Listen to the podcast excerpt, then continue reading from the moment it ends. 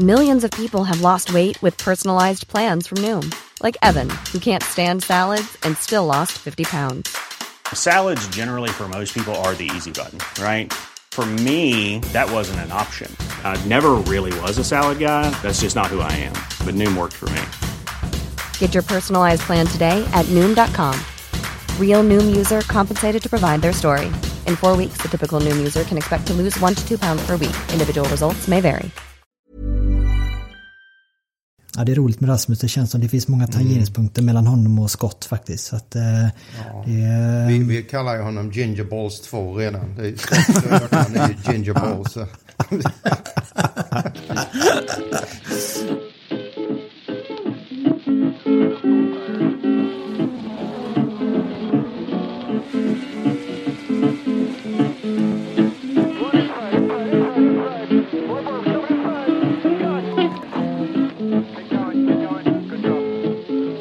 Wanna know where my easy rider goes. Said I wanna know where my easy rider goes. She's an easy rider, you ride not so long. Välkomna ska vara till Indypodden avsnitt 35 och idag ska vi snacka Indy 500 kval och med mig har jag som vanligt Jakob Fredriksson och Gergej Farkas. Säg till Hej. publiken. Hej hej! Och eh, jag ser en stor ära såklart att presentera veckans gästpoddare. Det är ju Stefan Johansson. Hejsan. Välkommen! Tack så mycket. Tackar. Det kändes som att jag var lite för övertänd där i mitten. Välkommen! Nej, nej, det var bra. Det var bra. Vi är glada att ha Stefan med oss för vi ska ju prata Indy 500 och där är det väl, det är väl svå, få svenskar som, eh, som kan så mycket om eh, Indy 500 och har så mycket erfarenhet från så många olika håll som Stefan Johansson. Både kört själv och eh, hängt runt banan och varit manager åt folk som tävlar. Så ja, väldigt kul att du är med Stefan. Mm, tack så mycket. Vi kan väl börja med att ja, fråga direkt till dig Stefan. Så har du, eh, hur mycket av årets Indy-förberedelser har du, har du följt och eh, lite spontana reaktioner så här inledningsvis? Ja, jag har ju följt, eh, jag sitter ju här klistrad vid datorn och tittar på timing and scoring från morgon till kväll varenda dag som en racingnörd som man är. Så att eh, jag har väl någorlunda koll på den stora bilden om man säger så. Och eh, det verkar ju i alla fall på ren speed som Honda har ett markant övertag i år. Nu vet vi inte hur det kommer att se ut på race, race-situation. Kan det bli lite annorlunda med bensinförbrukning och så vidare. Eh, men eh, det verkar som Honda har lite edge i alla fall. Ja, det är väl de stora för, för vår, alltså, det har varit extremt oväntat att det har blivit sån stor skillnad. Frågan är vad det är som, vad är det man hittar egentligen eh, som Honda har gjort här från ett år till ett annat så är att det blir så markant stor skillnad. Ja, jag vet inte om jag ska vara ärlig. Det är, jag menar, Chevrolet har ju varit lite överlägsna de tidigare åren, här de två, två sista åren. Så att det, det där går ju alltid fram och tillbaka lite grann. Jag tror Honda fick väl ett riktigt wake-up call förra året framförallt. För de var ju inte, de var ju inte med alls egentligen. Med, eh, framförallt och ungefär likadant som nu, alltså på ren, ren hastighet. Så var även om de var ju med hyggligt i slutet på racet trots allt. Va? Men, eh, med Rossi då. Men eh, det där går ju alltid fram och tillbaka. Och det är ju så små nyanser det handlar om hela tiden. Men det behövs ju bara en typ en eller två procent förbättring så har man ett övertag. Det, det är allt man behöver på, på ett sån bana som Indy. Ja, vad tycker Jakob och Gergej då? Vad har era reflektioner varit så här långt? Mm, Jag är bara väldigt överraskad att Penske fa- verkar famla i mörkret li- lite grann. Det är det sämsta kval någonsin, skulle jag nästan vilja säga.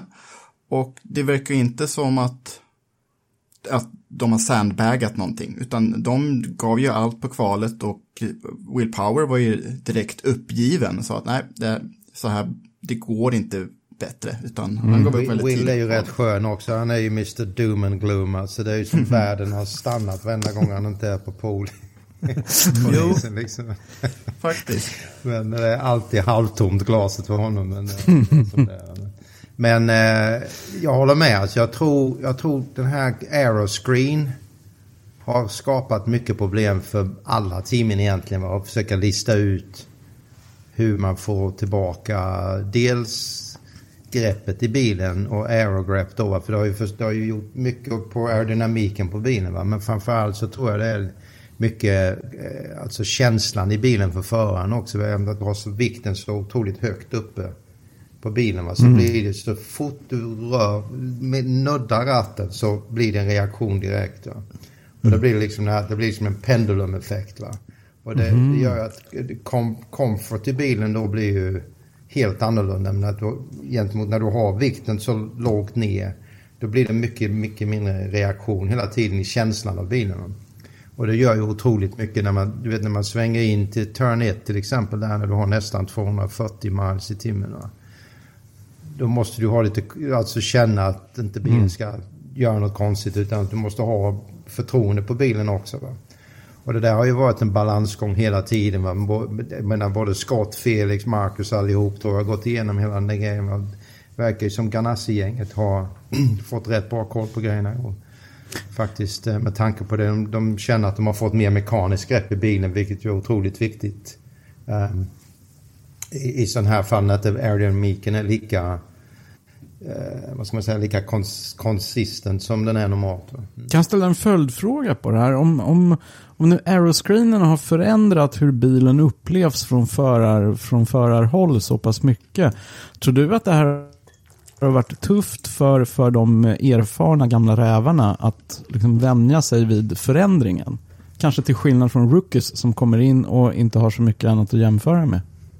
Ja, det har du absolut en bra poäng därför att eh, självklart man är ju liksom när man har kört många, många, många år så har man ju en viss känsla i bilen som, som man liksom vet vad man har liksom så det är absolut så är det ju en, en det handlar om com, vi kallar det för comfort alltså bilen är comfortable. Mm.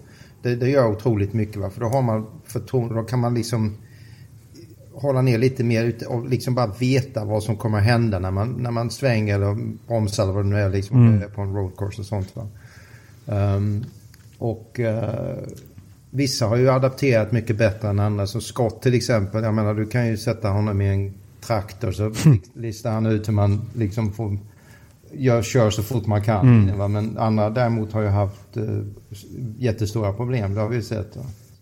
Mm. Nu är ju Scott Dixon eh, Scott Dixon om man säger så, men jag tycker att han har ju varit extremt självklar i sin eh, målmedvetenhet och hur han eh, har tagit sig an den här, den här veckan här nu fram till kvalet. Jag tänkte bara en sån grej som, dels har han ju varit snabb från första början och ser det nu under kval, kvalet här nu. Han gick, satte ju sjätte bästa tid och ändå ser han sig ut Eh, på tre, tre eller två och en halv run står liksom helt enkelt bara för att liksom nöta in den här för att komma underfund med eh, mm. hur man ska tackla eh, Fast 9 då. Eh, du som är så pass nära honom, har du märkt någon skillnad där eller är det gamla goda skott som, som vi ser ja, 2020? Det, det, är ju han i ett nötskal. Alltså han, han är ju han är alltid först på banan och sist och går hem. Liksom. Det är, han, han är ju pro ut i fingerspetsarna. Liksom. Och han, han, varenda vinkel som går att hitta, där han kan hitta en halv mile, liksom, så jobbar han på det till han hittar det helt enkelt. Mm. Och det är ju hans attityd har alltid varit likadan. Va? Så att, eh, och det, det gör ju skillnaden. Va? Det, det, om man kombinerar det med otrolig naturlig talang så är det ungefär samma som Schumacher var i Formel 1 kanske. Va? Och, Eh, Hamilton till exempel, att de, de har naturliga talanger men de har också en arbetsetik som är, står utan, utan någon, liksom ovanpå nästan alla andra om man säger. Mm, trots detta så satt ju faktiskt liksom bilen i muren igår på uh, sista träningen inför Carb Day. Men sen mm. så hoppade han ju ut och förbättrade sin tid senare i passet. men uh, ja, också Dixon ja, ett nötskal lite. Men, uh, och du säger att det kanske är lite svårare att balansera bilen med aeroscreenen nu. Eh, det har bara varit två krascher under hela under alla ja. träningar. Det var Alonso och sen Dixon nu, vilket är rätt stora namn. Men finns det någon anledning till oro att det kan bli mycket krascher eh, under loppet nu? Ja, det, alltså, alla kör ju inom sin gräns. Alltså jag, jag menar, jag tror, det, det jag har förstått från alla diskussioner jag har haft med Felix Scott och allihop, liksom är att det är ju otroligt litet fönster de har att jobba i nu. Och det där det kommer att gå hela tiden så att säga. Va? Så att är inte bilen i det fönstret så är den ju otroligt svår att köra. Eh, och jag tror det kommer att bli problem i, i racet med trafiken. Va? För att tydligen är det ju nästan till omöjligt att köra om med, med den här aeroscreen nu. Va? Det är mycket, mycket. Så jag tror det kommer att bli mycket mindre omkörningar under årets lopp än vad det har varit tidigare. Och jag tror track position kommer att bli nyckeln till Alltså om du kan, om du kan jobba strategin så att du har dels då vinner på track position på alla depåstoppen. Genom att kanske vara utan, utanför sekvensen på de, liksom de första till exempel. Eller att man har en clean track, alltså så man har ingen trafik framför sig. Man, säger, man kan ha det i tio varv. Så kan du hamra ut tio snabba varv då om du är själv eh, gentemot om du sitter i en klunga med tio andra bilar. Så jag tror det kommer göra stor skillnad också. Ja, och då även om Penske Penske-grabbarna säger att de är ganska bekväma med racet upp så har ju de mycket sämre läge nu eftersom de startar en bra bit ner i fältet och eh, även om man kan köra fort när man är för sig själv så man måste ju jobba sig fram till de lägena också. Det gör det väl, det ser faktiskt ändå väldigt mörkt ut för Penske på det sättet. Mm. Det enda fördelen när man startar lite längre bak, man kan ju ta en gamble på strategin då. Det är ju svårt att göra om man är bland de fem till tio första. Va? Då måste man nästan följa ledarna hela vägen. Va? Mm. Men däremot om du startar mitten av bakåt, va? då kan man ju liksom rulla tärningen om man säger va? Och, och stanna så tidigt som man kan stanna in, inom de depåstoppen som man har planerat innan loppet börjar. Va? Mm. Man har ju ett fönster där på typ en 10 kanske 10 eller 15 varv när man kan stanna tidigt eller köra till det bensinen är slut helt enkelt. Va? Mm. Så om man stannar tidigt då till exempel då, då har man ju en chans kanske att när resten av gänget stannar så får man ju automatiskt bättre track position. Tills nästa stopp. Så, så, så, blir det ju så. Så att jag tror de kan, och Penske om de är duktiga på något så är det ju strategin. Va? Så jag, jag tror inte de, man ska inte räkna bort dem i racet. Absolut inte. Vi kanske borde nämna vem som faktiskt tog pole position då. Eh, mm. En liten skräll. Marco Andretti tar sin mm. första pole på Indianapolis Motor Speedway. Eh, en jätteskräll va? Ja, det är, väl, ja. det är väl nästan hans första pole överhuvudtaget. Skulle jag gissa. För han har ju inte varit i närheten. ja, det var ett tag sedan i alla fall. Ja, och första Andrettin på pole sedan 1987. Mm. När ja. Marco var två månader gammal tog farfar Mario pole då. Uh, Fantastiskt. Ja. Jag, lys jag, lyssnade på en intervju, Marshall Pruitts intervju med Marco direkt efter Fast kvalet där. Och det, ja, jag, liksom man, jag ömmar lite för Marco för han verkar ju väldigt reko och väldigt omtyckt eh, kille och så men samtidigt har tyngts, vi har pratat om detta in, inför säsongen, för liksom, tyngts av Andretti-namnets krav på något sätt. Och nu sa han, nu har jag gjort någonting som inte pappa klarar av ens en gång. Typ, mm. att så att ja. det, det, kan ju hända att, vi kan ju hoppas att det, detta är, är någon förlösande faktor som gör att eh, det kanske kommer rädda upp hela hans, hela hans säsong. För förra året så saknade han ju verkligen fart. I år har han inte riktigt varit på samma sätt men ändå haft lite motigt då. Men tänk om detta kan bli den förlösande faktorn. Ja, det är ju ofta så. Alltså, det behövs ju ett sånt där liksom event för liksom att få tillbaka. För jag menar mycket, mycket av, av alltihop det är ju självförtroende. Va? Liksom. Och det, det betyder inte att man nödvändigtvis kör för sakta hela tiden utan ofta att man kör för fort också. Va? Att man tar i för mycket va? och då går det ännu saktare. Mm. Om man missar, liksom missar Apex med en 5 tum eller liksom 10 cm eller 15 cm. Det är en tiondel per kurva. Va? Så det är de här små detaljerna som gör så otroligt mycket skillnad. Va? Tar man i för mycket så missar man mer tiden om man är, ligger lite under gränsen. Va? Så att det är liksom det där, har man däremot självförtroendet, va? Då, då, liksom, då flyter allting rätt på något vis. Va? Så att jag tror det där kan säkert vara en vändningspunkt för honom. Det här var ju så otroligt oväntat. Men om man tittar på hans formkurva hittills under säsongen så har den liksom, den har varit väldigt flack. Han har, ja det är inga anmärkningsvärda resultat som han har fått med sig hittills. Nej, att, för att återkoppla... i teamet varenda race nästan. Ja, precis. Sen, sen är det inte riktigt så svart eller vitt just i år tror jag. För att han har ju ändå gjort några bra kvalinsatser och att han har haft några han har haft vittring på några alltså, topplaceringar ändå om man tittar liksom riktigt noga på det. Men likväl så gäller det att sy ihop eh, säcken och det har han ju inte gjort. Och som du säger Stefan, Men- han har men ju inte, han är ju sist varenda gång bland jätteförarna. Men Indy är jäkla konstigt också. va? För att där, alltså du kan ha, som i Andrettis fall, de har ju sex bilar då. va, Med, och- om du har Ganassi, de har tre, Penske har fyra. va. Så det, de kan vara identiska alla bilarna på setup och allting. Men av någon mysk och anledning alltså så när du rullar ur bilen ur, ur, lastbilen va, så en bil går som ett tåg va, och det, allting funkar perfekt. Alltså rent, alltså inställningsmässigt och allting sånt va. Och sen kan du kämpa som fan med en annan bil och de har exakt samma inställning. Alltså det, det är så otroligt små marginaler som gör skillnad på Indianapolis. Va? Är det för att En bil- hastigheten en är bil så kan vara helt perfekt och en bil kan vara nästan okörbar trots att de har exakt samma inställningar. Är det för att hastigheten är så höga så att marginalerna är så Ja, otroligt det är små? så otroligt små marginaler. Va? Och Mm. jag menar, allting är ju supersmå marginaler. Va? Jag menar, går temperaturen upp fem grader va? så är bilen från en perfekt bil till en okörbar bil ibland. Mm. Eller vinden ändrar sig lite i någon riktning, någonting sånt. Va? Så det är ju...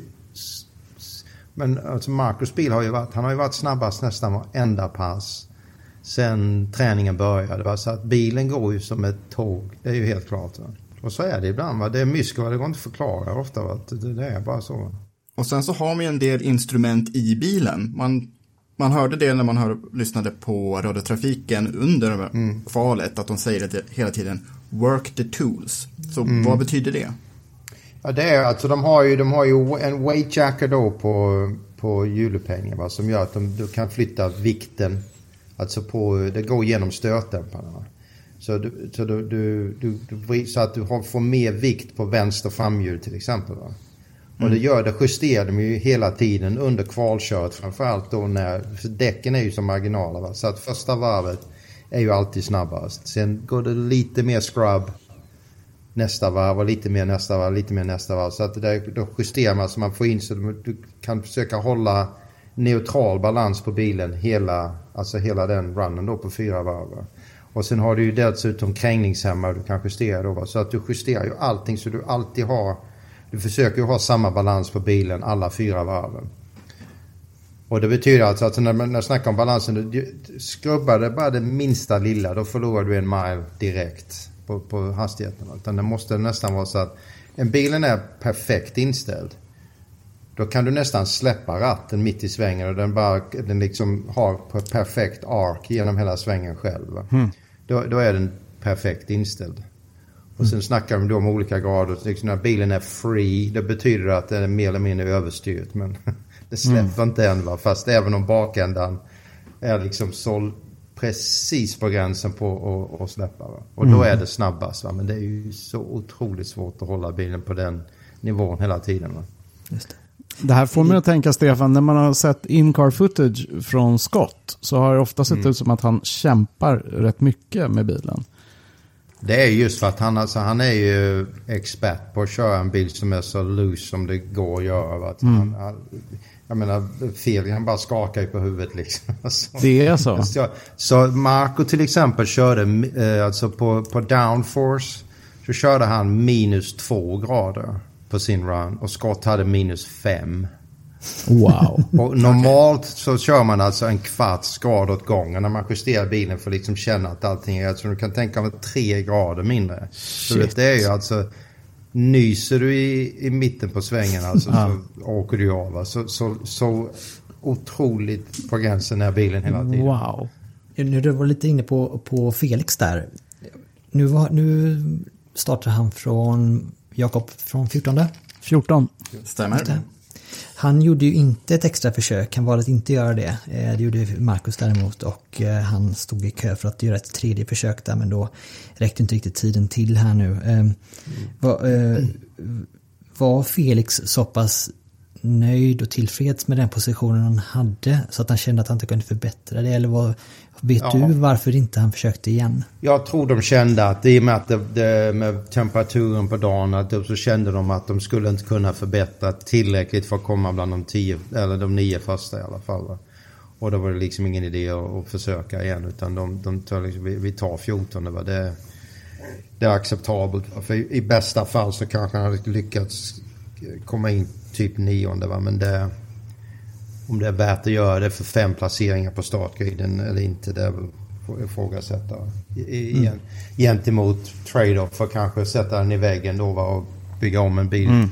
som är helt färsk i loppet då va. Nu såg ju mm. Alonso liksom, det är ju så otroligt svårt att komma tillbaka om man kraschar. Va? Inte, inte bara för, för sig själv utan det är att liksom bilarna är ju så masserade på allt, allt, allt. Det är ju absolut optimalt på alla sätt. Växellådan, uprights, hjullager, allting sånt. Alltså det är ju, allt handlar ju om minimalt drag hela tiden. Mm. Och det, hur den är liksom så, så är det får man sätta på nya delar va, så du kommer aldrig tillbaka till samma speed, som du hade innan. Och det där det jobbar som... de ju på i flera månader innan loppet liksom just Indy, Indy-kit då va. Det är ju specialgrejer för allting. Hela bilen är ju specialgjord just för Indianapolis. Och att alla de här uppsättningen som de har i bilen från början är ju allting där är som du säger fullt, fullt optimerat och skulle du ja. krascha mer illa då är ju inte man har inte Nej, du vet, även karossen och sådana saker. Jag vet inte om du såg Alonso, han körde med en, en omålad vinge på kvalet. Just det. Och det var ju tack vare att liksom bara passningen på, på alltså där noskonen fäster mot monokocken så att säga. Va? Hade lite bättre marginal då kanske än den som var originalnosen. Va? Så mm. att, och det gör alltså, allt det där gör så otrolig skillnad vet, i och med att det går så fort hela tiden. Och vet, så den där karossen de har, den har de jobbat på i, som jag sa i flera månader innan då. Att det, alltså det finns ju inga gap någonstans. Det passar ju vet, perfekt över hela mm. bilen. Varenda kaross, alltså varenda del av karossen som de ska bultas ihop så det blir en bil av det så att säga. Va? Mm. Har ju sån otroligt tight passning överallt. Va? Apropå det, vad tror vi om eh, Alonsos chanser? Från sin ganska blygsamma startposition. Mm, ja, det är ju svårt att säga va, men det, det blir ju tufft alltså. Vinna blir ju jäkligt svårt tror jag. Mm. Jag är lite förvånad måste jag säga att han tog beslutet att gå med McLaren. Va? För att, uh, jag menar, de är ju bra va? men de är ju inte... Jag tror inte de är i den positionen än, även om jag tror att de kommer bli det inom ett år till. I den positionen där de är liksom kan slåss om segrar hela tiden. De är inte där än. Samtidigt har ju McLaren varit en av utropstecknen i år. Har ju, verkar ju, eller ja, Arrow McLaren tagit eh, steg, klara steg framåt. Ja, det är väl en kombination av, av teamet som har ett år till på nacken och så plus att Oliver Askew och eh, Pat O'Ward har verkligen om säger, överträffat förväntningarna. För det har varit en del debatt in, inför detta huruvida det var ett smart beslut eller inte. Vad, eh, mm. ja, vad, ty, vad, tycker du så här långt av, av teamet och av de här två förarna? Alltså de har ju, de har ju anställt mycket bra personal. De har ju den här Craig Hampson uh, som är technical director. Va? Han är ju han är ju lite gud i Indy-depån. Uh, han har ju vunnit massor med, han, var ju, han drev ju Newman Haas när de vann allting. När de sopade mm. banan allihop i typ tio år. Mm. Så han är ju en av de absolut bästa i depån. Uh, och han har ju då anställt sina killar. Va? Så det, det, är ju alltid likadant. För de har ju en grupp som de är komfortabla att jobba med. Va? Så jag har ingen tvekan om att McLaren kommer att bli ett, ett, uh, ett hot för mästerskapet så småningom. Va? Men även, även inte i år. Va? För det är, det är första året de kör en hel säsong.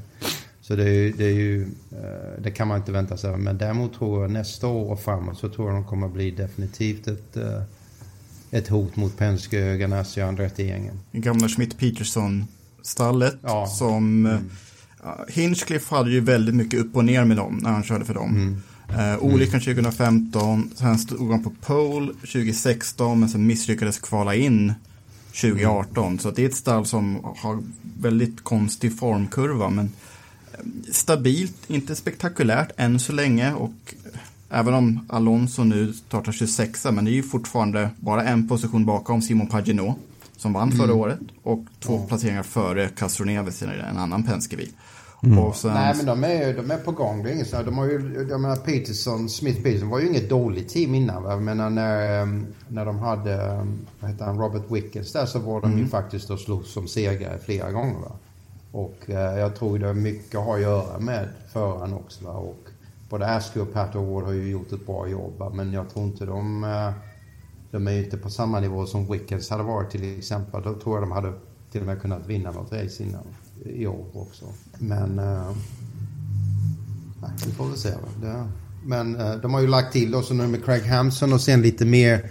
Men just att djupet på engineering är ju mycket större nu i och med att de kan använda McLarens F1-resurser på många håll också. Både på simulatorer och shock dinos och, mycket, Mm. mycket sånt som, som självklart kommer att ge resultat mer på längre sikt kanske än, än omedelbart. Va? Men eh, de kommer att bli ett hot, det är inget snack om det. Ja, Jakob, skulle du kunna göra mig en tjänst där? Om vi tittar på eh, topp ja, top 10 då, eller 9 då, Fast 9, resultatet från det nu här i, eh, i söndags. Yes. Eh, första startled då, Marco Andretti, Scott Dixon och Takuma Sato. Sato som var först ut i Fas 9 och eh, ja, miniskräll att han startar i första startled. Och sen har vi, apropå skrällar, Rhinus VK, den enda Chevroleten i fa- Fas 9, startar fyra. Eh, Ryan Hunter Ray, James Hinchcliffe. Sen tredje startled, Alex Palou, Graham Rahal och Alexander Rossi. Så åtta Honda, en Chevrolet och ja, som eh, vi, vi sa, Honda ser väldigt bra ut. Men att vinna ifrån pole är faktiskt rätt ovanligt på senare tid. Enda gången senaste tio åren som det hänt var förra året med Simon Pagenaud. Har vi någon annan favorit där? Alltså det är så otroligt svårt att säga vem som är favorit eller inte. va. Det, det är ju, jag menar, Indy är ju det är ett konstigt race. Va? För det är ju liksom det, är det svåraste racet som finns att vinna och det är det lättaste racet att vinna. Alltså om allting går din väg. Va? Det, det avgörs ju aldrig förrän sista stintet. Va? Liksom det, det, är ju, det är ju lite parad innan dess. Va? Det är ju bara liksom att få bilen dialed in så den är nästan kvaltrim de sista, sista varven då va. Och ehm, det är det de gör va. Liksom, man måste ju vara med bland, bland de tre, fyra första då när det, när det är showtime så att säga va. Och, och då kan ju vad som helst hända va. Liksom, och det är ju alltid någon gul flagga i sista där va. Du kan ju leda va. Och, vet, det är ju, om du tittar, det, var, det är ju alltid små tillfälligheter som har avgjort det egentligen. Så att det kommer säkert bli likadant i år igen. Det, det är ett frustrerande race på så många olika sätt. Jag menar Scott hade ju kunnat vinna fem Indy till om allt hade gått hans väg. Va? De sista, sista 20 varven. Va? Men det, det är, så är det ju. Va? Det, är liksom, det är Indianapolis. Va? Och det, det gör ju det speciellt också tack vare det. Eh, två namn som jag inte förväntade mig bland Fast 9 är ju de två rookiesarna. Palou och uh, Wickey. Mm. Eh, Wickey P4 och Palou P7. Och det tycker jag var förvånansvärt överhuvudtaget. Att de tog sig till Fast 9 och, eh, och har varit så snabba. Ehm, och jag tänker också med allt vi, det här vi redan har pratat om, att bilarna är väldigt svårkörda, det kan bli väldigt stökigt och svårt att köra om. Alltså, vad, vad gör det för de här favoriterna som såklart finns där i, i starten, men att ha två oerfarna rookies med allt vad det innebär, eh, bland sig i de allra första startleden? Kan de ställa till det för, för eh, de erfarna? Vad tror du, Stefan? Nej, det tror jag inte är någon större risk. Alltså, för jag menar, alla är ju... De är medvetna om att det är, alltså, det är 500 miles. Va? Det där har de ju fått intryckt i hjärnan säkert 25 gånger redan. Så, säkert 50 gånger till innan loppet börjar nästa söndag. Va? Så det tror jag inte är någon risk så. Va? Utan det är ju mer alltså vad som händer.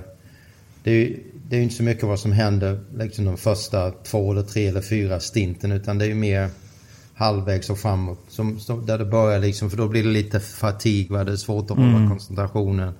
Depåstoppen kommer ju bli otroligt avgörande. Det kommer ju bli misstag gjorda i depån, både in och, in och ut varven. Någon som fumlar lite med, alltså mecka. Så det är ju så sjukt många grejer som, som spelar avgörande där. Jag menar, det är ju ofta så, alltså, en sån här liten överraskning som har varit långt fram i starten. Va? Men sällan händer det ju att det blir ett bra resultat i racet just av alla, alla de här olika anledningarna. Bara, liksom bara att få göra åtta perfekta depåstopp är ju skitsvårt kan jag säga. Alltså. Ja. Både för förarna och mekanikerna. Just det, det är så mycket som kan gå fel. Och, och du vet, missa, om det är en gul flagga till exempel, alla kommer in samtidigt. Va? Men missar du med en sekund alltså, så förlorar du fyra placeringar eh, i, i depåstoppen bara. Va? Så att det, du vet, det är ju så sjukt mycket grejer som spelar avgörande. Det var ju någonting jag reagerade på eh, faktiskt eh, under, ska vi se här nu, det var väl, det var träningen innan Fast Friday tror jag det var. Då eh, Alex Palou sa det i en intervju, där han hade ju, sprudade jag självförtroende. Eh, och han sa ju, eh, ja nej men det kändes jättebra nu. Han hade inga tveksamheter kring, kring kvalet, det är bara ju ut och köra nu liksom. Och jag tror att det kommer gå riktigt, riktigt bra. Och spontant tänkte jag ju så här att ja, vänta bara nu ska vi inte, ska vi inte över, ska vi inte underskatta det här riktigt så. Men likväl så går han ju in, han är egentligen den som imponerade förutom Andretti kan man väl säga då och bilarna och eh, bland annat då så, så tycker jag att hans bedrift under kvalet var egentligen den stora, den stora överraskningen just för att han startade ju inte alls så tidigt i ett han, han jag tror han startade gick ut efter Felix till och med. Ja, Ehm, absolut. Nej, så han att det var en riktigt stor eh, bedrift. Ett otroligt bra jobb eh, hela, hela träningen. Men igen, alltså både han och VK, deras bilar har ju varit sjukt snabba från början, alltså från första gången de rullar ut på banan. Så jag tror det är igen att de har alltså en bil som är otroligt komfortabel att köra. va.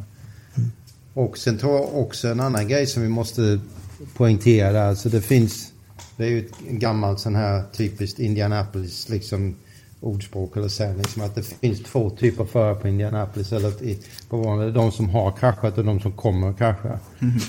och de är ju i den första, eller som i den andra kategorin va. Och det, alltså hur den är liksom, har man liksom rung your bell några gånger på en oval va, så varenda gång bilen du vet, bara rör sig det minsta lilla så, så är man ju liksom vaken till det. Va? Däremot har, den, har du inte kraschat den så vet du knappt riktigt var gränsen ligger. Och, ehm, och då är det ju... ehm, då har man fortfarande confidence och sånt va. Liksom, men liksom till, det, det går bra så länge det går va. Men, och sen när det släpper va då, då släpper det bara och då är det ju för sent va. Så att ehm, just med tanke på det så tror jag inte de riktigt, de är nog lite, att, alltså typiskt overconfident lite grann va. Men så länge bilen är bra går det ju, är det ju okej va. Men det, det behövs ju bara någon liten tillfällighet va. Och, och då, då ändras ju hela bilden sen va. Så att, och då tar det lite tid att komma över det innan man kommer tillbaka till just den nivån där man är riktigt confident igen. Va? Jag tror inte att det är en jättestor risk för just en startkrasch. Men eh, Vike kraschade ju redan ett par gånger i Texas. Så jag tror han har, hans Ja. bell har blivit runged eh, en gång redan. Och Palou drogs ju faktiskt med i Vikes andra krasch i Texas. Så han Ja. råkade illa ut där. Eh, Jag ska säga det att startkrascher på Indianapolis är inte heller särskilt vanliga. Det var väl eh, fem år sedan senast. Det var, eh, jag kollade på repris på det tidigare idag. Från 2015 när jag satt ovanför kurva 1 och så Takuma Sato bara håll min sake. Och kraschade, kraschade ut eh, hon, han själv och Sage Kara. Men det var sista gången som de var en, som blev, i alla fall blivit gul flagg på första varvet. Eh, och nu med aeroscreenen, jag tror det kommer att bli ganska konservativt lopp först, åtminstone de första hundra varven. Ja, det känner jag också att det kommer säkert att bli eh, rätt lugnt den för, första halvan i alla fall. Det, värmen, det, alltså, beror ju på mycket, alltså mycket av det där kommer ju bero på temperatur, om det blir riktigt varmt igen va? För då är ju, då är ju däcksituationen väldigt kritisk tror jag. Va? Just att däcken håller ut i ett helt stint va. Och det blir de sista tio varven på stinten kommer att bli riktigt tufft alltså.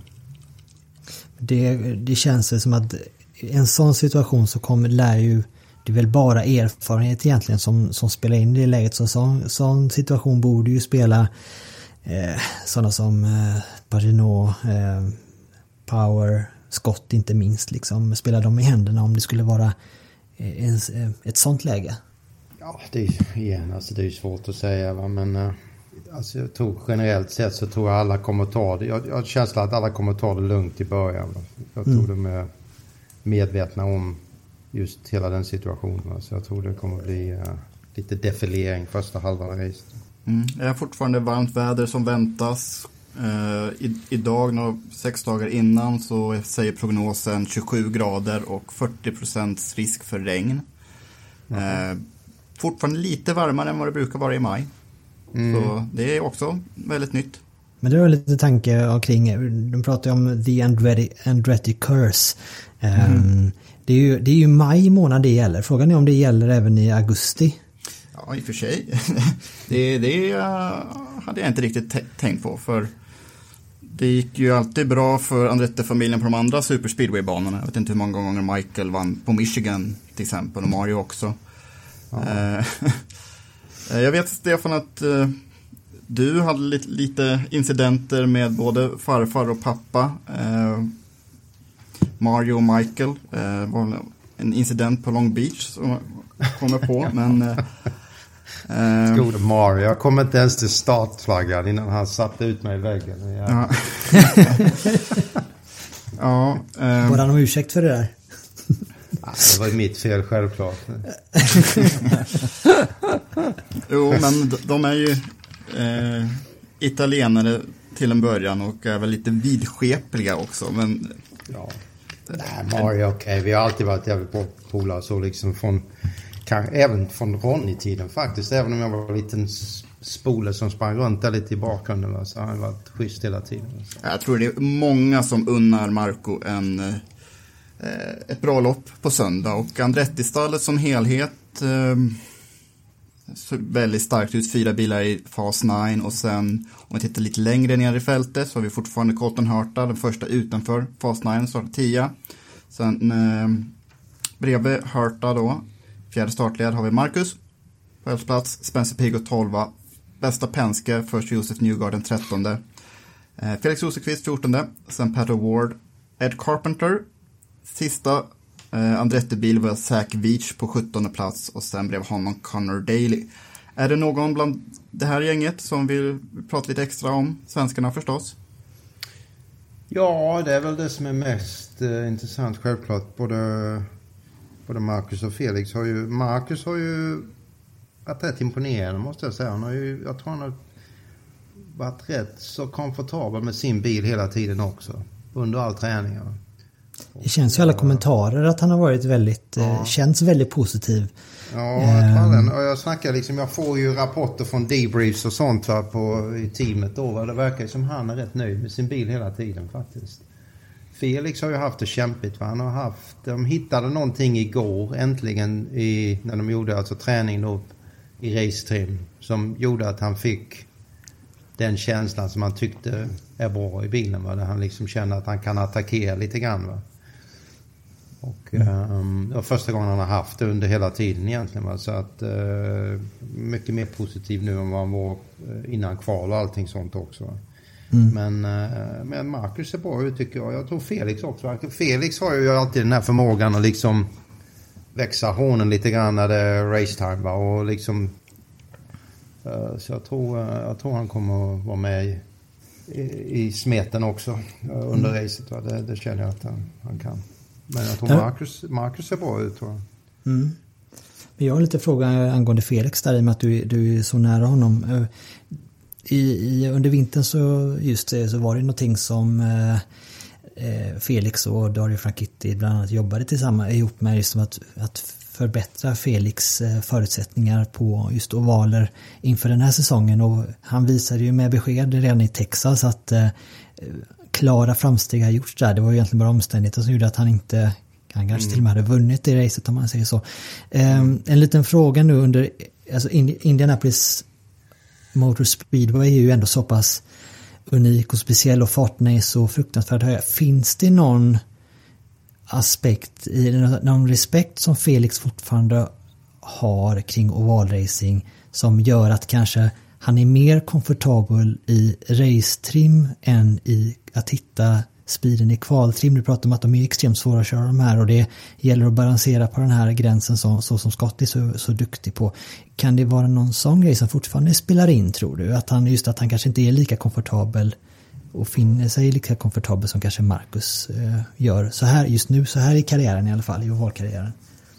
Ja, det, det kan nog finnas någon, eh, någon sanning i det. Va? Det, det är ju svårt att säga. Det, alltså det, jag menar, I Texas var han ju med både på kvalet och självklart i racet var han ju otroligt stark. Va? Så att, jag menar, det är ju så att så funkar bilen va? Så, så tror jag inte är några problem. Va? Liksom, jag tror kanske han är... Han kanske kräver lite mer av bilen. Säga en... eh, än Marcus gör i det här skedet. Det, det, det, det kan vara möjligt. Va? Han kanske vill ha bilen på ett speciellt sätt som gör den är ultimat snabbare kanske. Va? Men, eh, men att det måste vara lite mer perfekt inställd om man säger så. Va? Och Felix sa ju själv redan förra året att han gjorde en av sina bästa lopp eh, race någonsin tror jag. Till och med just på Indy 500 förra året. Fick jag liksom inte pay-off för det riktigt men ehm, när man var på plats så såg det ju, det såg väldigt stabilt och bra ut. Och det, Ja, nej, det var ju det var en stor klippa han klev över där. Va? För att det var ju alltså, kval, träning och kvalet då efter kraschen han hade var ju otroligt tufft. Va? Att komma över allt det. Och det är det ju. Va? Det är ju ett mentalt spel hela tiden. Va? Så att, eh, men när han ser kom in i racet liksom. Det, det är ju alltid så liksom. Kommer man in i racet om man får in lite rytm i körningen. Va? Då, liksom, då börjar det flyta sen. Va? Och då liksom kan man justera sin körstil lite grann och adaptera lite grann till väderförhållanden och balansen på bilen och allting sånt. Va? Men under träning så vill man allt, ofta att allting ska vara perfekt. Va? Då liksom, är det inte det, då kommer man in och så jobbar man på bilen och så jobbar man på bilen. Liksom. Eh, och du kör ju typ bara kanske fem varv åt gången va? och sen stannar du och sen gör du någonting annat. Va? Så att, men när racet är igång liksom, då är det då är det bara att köra liksom. Och då får man ju adoptera det bästa man kan liksom med de, med de liksom, tillgångar man har. Det är ju typ weight jack och, och anti-roll och sen kanske du justerar däckstrycken under depåstoppen då va. Och om det är riktigt eh, tufft kanske om de har- hinner göra en vingjustering på bakvingen så gör de det kanske också då eller framvingen va. Men lite kul att veta där hur det är nu, de här verktygen som de har jobbat med nu. Så vad, när du själv körde, eh, hur, hur, hur mycket verktyg hade du själv då tillgång till inne i, i cockpit under ett race? Ja, vi hade ungefär samma. Så vi hade ju både weightjack och eh, juster, justerbara krängningshämmare. Och sen justerade de ju vingen då. Eh, framvingen är ju lätt att justera. Det är ju bara en lite sån här liten rapp där va. Men vi hade också då, men det får man inte ha längre nu, men då hade vi olika storlekar på den här gurney flap eller wickern på bakvingen. Som var, gick att ta, ta bort och sätta in ny väldigt fort. Va? Det var bara typ lite sån här slott som man pluggade in där egentligen. Va? Så det tog inte mer än kanske två sekunder att ändra den här, den här wickern också. Va? Så det var ju konstant. Varenda, varenda depåstopp höll man ju på där liksom och bara justera hela tiden och försökte få rätt balans på bilen. Va? Och det är ju liksom att fråga, det är bara frågan att få den rätt till de sista två stinten kanske. Men egentligen sista stintet va, då är det liksom det är då det gäller va. Då är det nästan kvaltrim på bilen va. Det är en stor utmaning i det här racet är ju att det är så sjukt långt. Som förare, hur, hur ser man, hur, hur är liksom ens vision av det här, den här prestationen man ska genomföra från början? Hur, hur ser man på liksom, längden i det här loppet från början? Tänker man rent psykologiskt, tänker jag, bryter man ner det i etapper eller tänker man liksom ett stint i taget eller Ja, det är alltså det, alla de här planerna man gör innan racen det gör att de, de försvinner ju typiskt efter tio varv, kanske efter första varvet många gånger. Va? Allting ändrar sig helt plötsligt. Så det är ju bara frågan att adaptera hela tiden liksom, Ja. och improvisera liksom, eh, efter situationen hela tiden. Va? Så att, eh, och det kan ju vara så att ibland tar ju loppet slut så otroligt fort. Va? För att liksom det funkar och det är kul va? och man racear hårt och det, allting är liksom rätt. Va? Och jag har ju haft något race där på Indy liksom där det är rena tortyren alltså i, innan det är slut. Va? När bilen är överstyrd från första varvet till sista. Jag hade ett race när eh, mot, alltså de här, de har såna här lite spacers mellan motorn och eh, där motorfästena sitter bak på bilen. Och så när de drar sån här, eh, vad heter den? När de, eh, de har ju sån här, jag kommer inte ihåg vad det heter på svenska nu, där de, det är sån här klick, klick, klick när de har ett visst eh, tryck på, på verktyget då när de fäster motorn där. Va?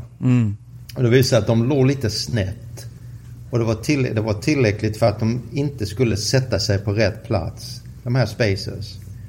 När, när motorn alltså Ah. pluggades in. Och så efter ett varv så bara så plock, klickade de in på rätt plats. Men då rörde sig hela motorn, hela bakändan på bilen rörde sig typ Åh. en millimeter från motorfästet. Så längst bak var det ju typ fem millimeter kanske, tio till och med kanske va. Och det fick jag köra hela jävla racet.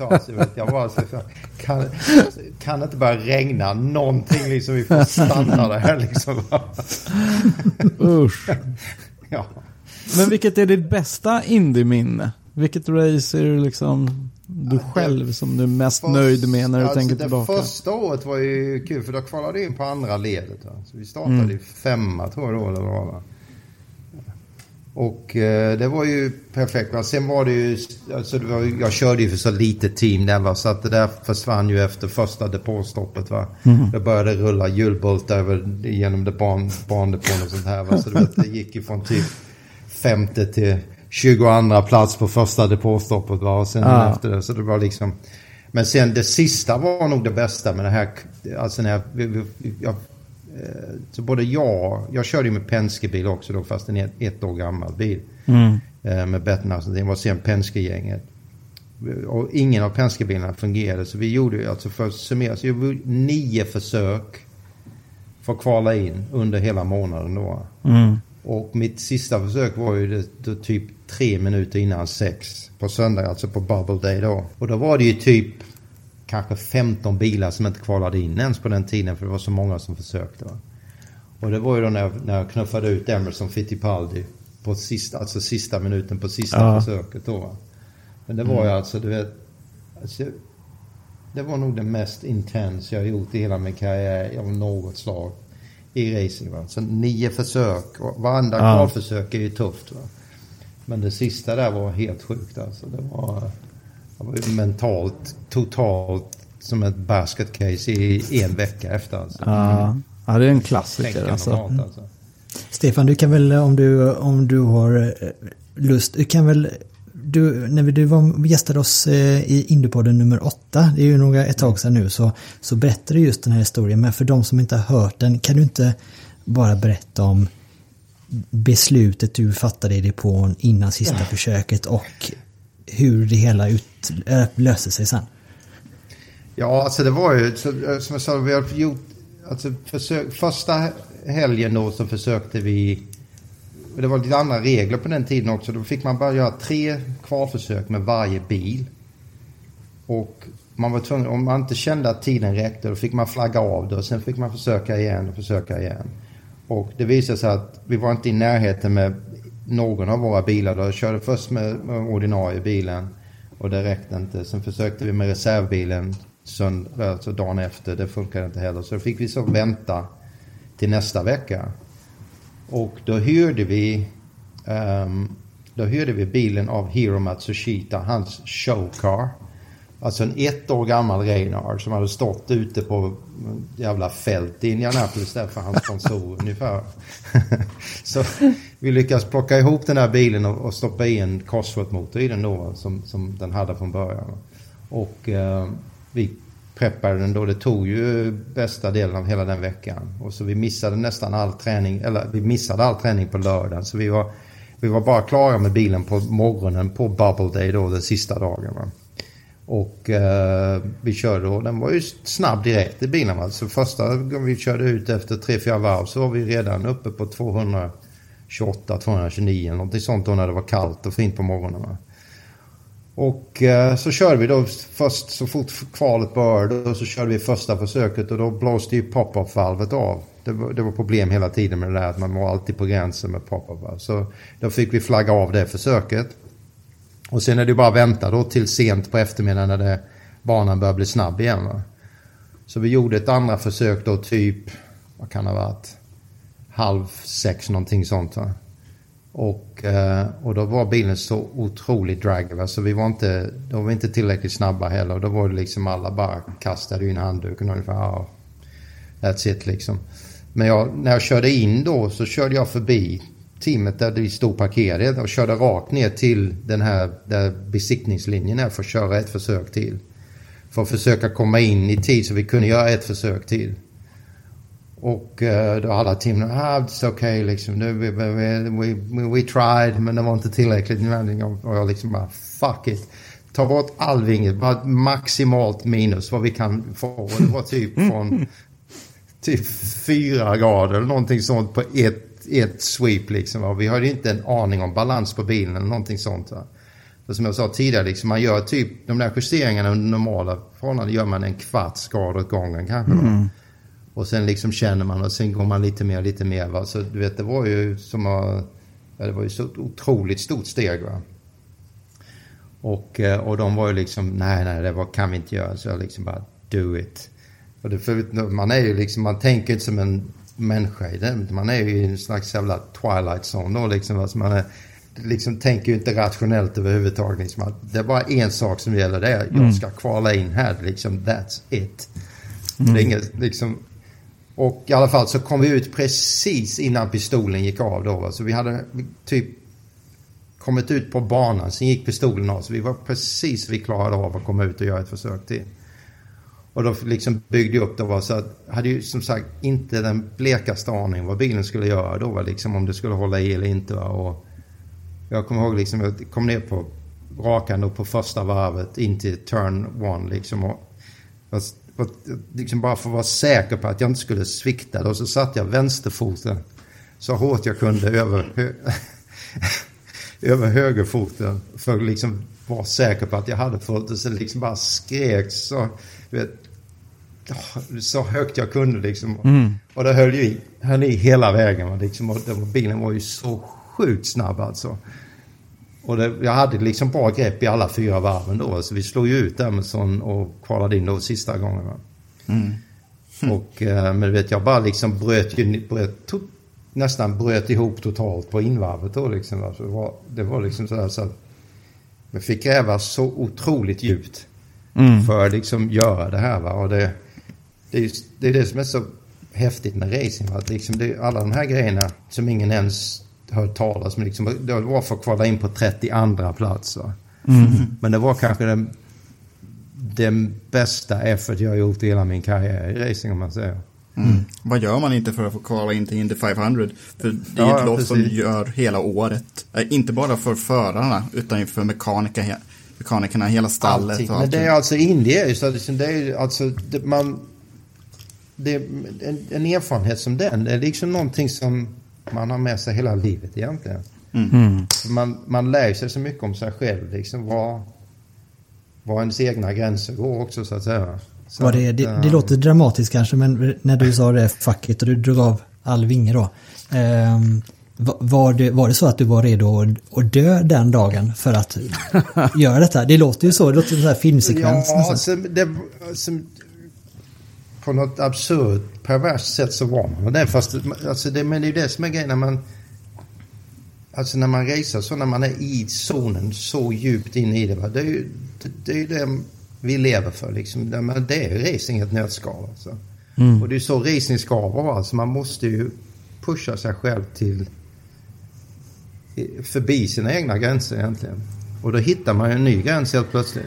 Det är någonting som var väldigt eh, fint också tycker jag där just när du var återvände sen på nedkomningsvarvet och sen kom in i depågatan. Det, var det inte så att hela depån applåderade er där för den effort, eh, den insatsen ja. som ni hade gjort där? Det var det är väldigt pampiga eh, ja, det var, bilder det var så. Du fick standing ovation av hela bandepån. mm.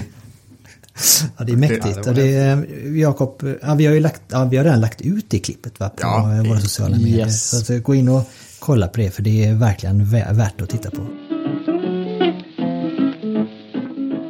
Vi har ju pratat om två svenskar, vi har pratat om Felix och pratat om Marcus. Vi har inte pratat om Oliver Askew än. Vi brukar ju ofta uttäcka, prata om ja, honom också liksom. Så hur, vad tycker du, vad, hur tycker du hans, dels hans säsong har varit och framförallt nu hur han, hur har det sett ut eh, under den här veckan här nu? För det är som sagt, det har varit motorn kanske som har hämmat dem lite och så, men han är ju en otroligt habil förare.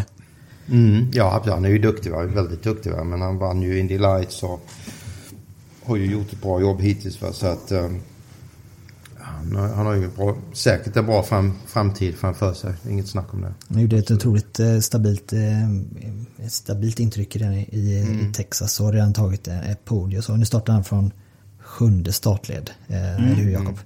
Utsidan sjunde startled, eh, 21 plats. Han, har, han delar startled med Santino Ferrucci Jack och Jack Harvey. Och sen bakom, direkt snett bakom, har, har han eh, Will Power på 22. Och sen Tony Kanan. Och sen Dalton Kellett 24. Eh, jag bara drar igenom sista delen av startledet här. 25 plats för Simon Pagenaud. Fernando Alonso 26, James Davison sen 27. Sen hittar vi Elo Castroneves, Charlie Kimball, Max Chilton och sen sista startled har vi Sage Karam, J.R. Hildebrand och Ben Hanley. Det är de 33 bilarna då. Vi ska väl, vi ska väl, eh, vi har ju, kommer ju göra en liten Carb Day special här också där vi kommer snacka upp racet och förutsättningar. Vi kommer ge våra tips och så. Men Stefan, avslutningsvis här nu. Trots att Indy 500 är kanske det mest otippade racet i mannaminne. Så jag skulle, skulle du kunna ge oss ett stalltips här nu? Vem tar hem Indy 500 2020? Jag vill inte jinxa någonting så jag säger heller ingen kommentar. För jag, självklart vill jag ju att en av mina boys ska vinna va. Men eh, ehm, jag är lite skrockfull så det är bättre att inte säga någonting. Det köper vi. Ja, det, vi köper det också. Det köper vi. För vi vill också att dina boys, någon av dem. Så, tack. Men du eh, skulle åka till, eh, du, du siktar på att försöka ta dig till, eh, till Indian, Indiana nu i, inför helgen Ja, då, jag åker på torsdag va. För Jag måste dit oavsett om jag är på banan eller inte. För jag har lite massa möten jag måste ta nu som jag liksom skjutit på hela säsongen här. Så att Mm. Det är lite förhandlingar på gång igen nu för fram- framtiden här va. Så att jag måste ta lite snack här med olika, olika Ja. människor. Har du någon, har du någon eh, input kring Rasmus kanske? Är det, är det, är det, så det fast fortfarande hans eh, deal med Bedal- Belardi inför 2020? Ja, det, det, det blir ju ingenting med Bellardi. Alltså det blir ju inget Indy Lights i år. Så att, Nej. eh, den, den grejen. Sen får vi ju se vad det blir till nästa år då va. Ja, jag menar Men, 2021, men om det står kvar Ja, ja. inför 2021. Ja. Om det, alltså jag, jag vet inte om det kommer bli något Indy Lights eller inte. Va? Det är lite tveksamt om det kommer fortsätta överhuvudtaget. Okej. Så vi får, vi får liksom play it by ear helt enkelt den biten. Va? Men det finns ju andra options också. Va? Så att, eh, Han har ju kört några race nu i LMP3 här liksom bara för att hålla sig i, i trim lite grann. Va? Han har ju gjort ett jättejobb där. Va? Så Verkligen. är ju superimponerad av honom va? och vill ju gärna att han fortsätter där också. Va? Så att, Mm. Ehm, det, är ju, det är ju ett alternativ, va, men självklart är ju riktningen på formelbilar framöver också. Va? Det är inget snack om det. Ja, det är roligt med Rasmus. Det känns som det finns många tangeringspunkter mellan honom och Scott faktiskt. Så att, eh, det är, Vi, vi kallar ju honom Ginger Balls 2 redan. Det är, han är ju Ginger Balls. Ja, det där måste vi sprida och etablera i Sverige, tycker jag. ja, jättebra Stefan. Stort tack för att du var med i Indypodden igen. Och, Verkligen. eh, det är ett nöje att ha dig med. Självklart. När ni, Ja. när ni vill bara. Passa. Tack så mycket. Okej. Ha det gött Stefan. Ja, Tack så mycket. Tack. Tack. Hej då. Hej då. Hej, hej. Said I know where my easy rider gone. Said I where my easy rider gone. She's an easy rider, but she do ride hard so long.